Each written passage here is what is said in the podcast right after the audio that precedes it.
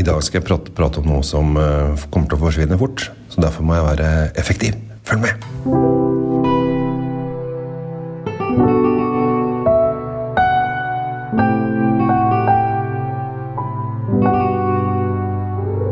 Hei og hjertelig velkommen til nok en episode av Kjell Svinkjeller. Nå sitter jeg på en smaking hos en importør, eh, og det er veldig sjelden jeg eh, sier ja, stopp, jeg må lage en podkast, for dette her er eh, spesielle saker. Og dette her går under da kategorien SU, spesialutvalg, så dette her må rett og slett bestilles. Og det kommer ikke så mange flasker av det, det skal jeg komme tilbake til.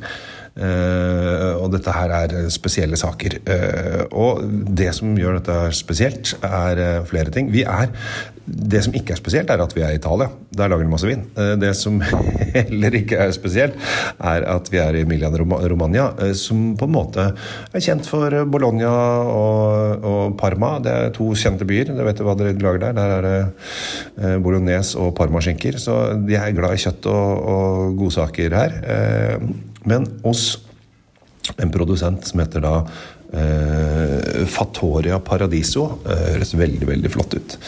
Der lager de noen uh, litt sånn snodige Sangiovese-viner. Så jeg begynte, Det er fire stykker som kommer nå på polet eh, neste torsdag blir jo det for dere, men eh, det er da når det lanseres eh, på polet. Eh, og når er neste torsdag? Du vet ikke dette her når. Eh, og jeg regner med at det er da 27. oktober skal de komme på polet. Eh, og her kommer det lite, så her må man eh, følge med.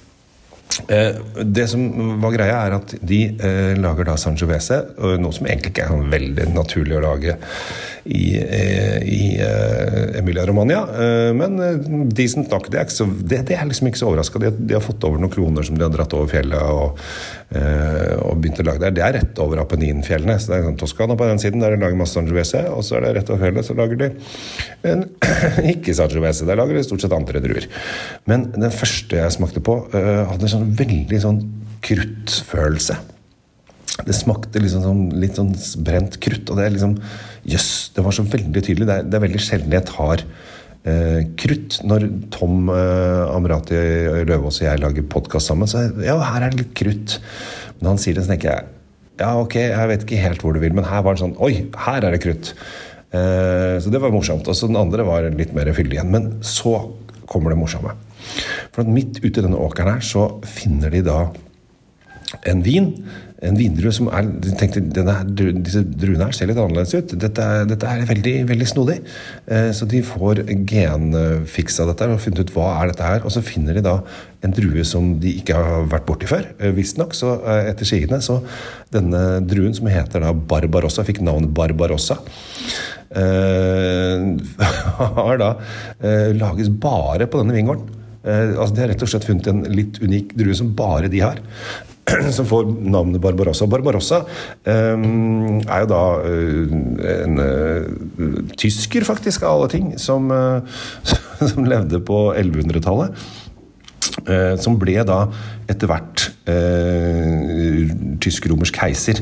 Så han tok jo over etter hvert og, og kom seg ned til Italia. Blant annet, og Det som er det morsomt med denne Barbarossaen, det er bare sånn litt sånn fun fact for dere som er interessert i litt historie, var at han dro da i 1147. Da var det da korstog. Det var det andre korstoget. Eh, første var vel i 1099 eller sånn, eller 95.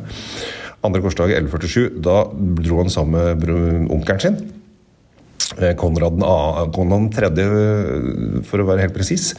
Eh, og Konrad 3. ble så imponert over, eh, over Barbarossa, eller Fredrik Barbarossa, som het, at han lot han være etterkommer istedenfor sin egen sønn.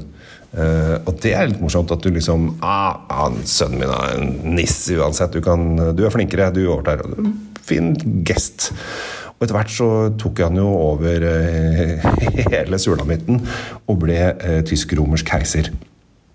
Og øh, ble jo kjent Barbarossa betyr jo noe rødskjegg eller noe sånt. Så jo, han hadde da visstnok rødt skjegg som gjorde at han fikk, øh, fikk navnet.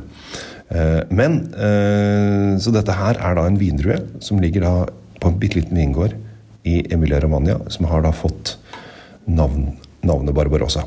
Eh, så eh, det kommer i to varianter. Eh, Leo Lo Spogn, Spunione, som kommer da i 240 flasker. Det er alt som kommer til Norge da 27. oktober. Så da må dere bare ligge på telefonen for å få bestilt opp dette her. Dette syns jeg er kjempekult. Og så kommer da Il Dosso.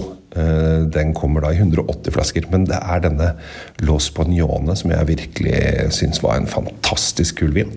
Som jeg anbefaler på det sterkeste. Så her, rett og slett en spontan podkast fordi at jeg kom over en drue som jeg aldri har hørt om før.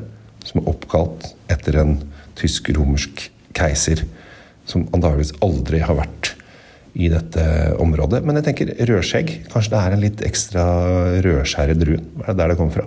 Jeg vet ikke. Uansett, jeg måtte bare kaste meg over øh, og fortelle dette her. Uh, Fatoria Paradiso kommer da med fire forskjellige viner. Det meste som kommer da, er 300 flasker av én variant. Så her kan du kjøpe alle fire hvis du rekker det. For dette her tror jeg fort kan uh, forsvinne ut. Så um, jeg tenkte faktisk jeg skulle prøve å få tak i et par flasker av uh, Los Bonios sjæl. Men uh, da er det jo helt ko-ko av meg å lage podkast. Som jeg legger ut to dager før lansering, for da kommer det bare til å forsvinne. Så det tror ikke jeg rekker. Men er du heldig? Kanskje. Vi får se.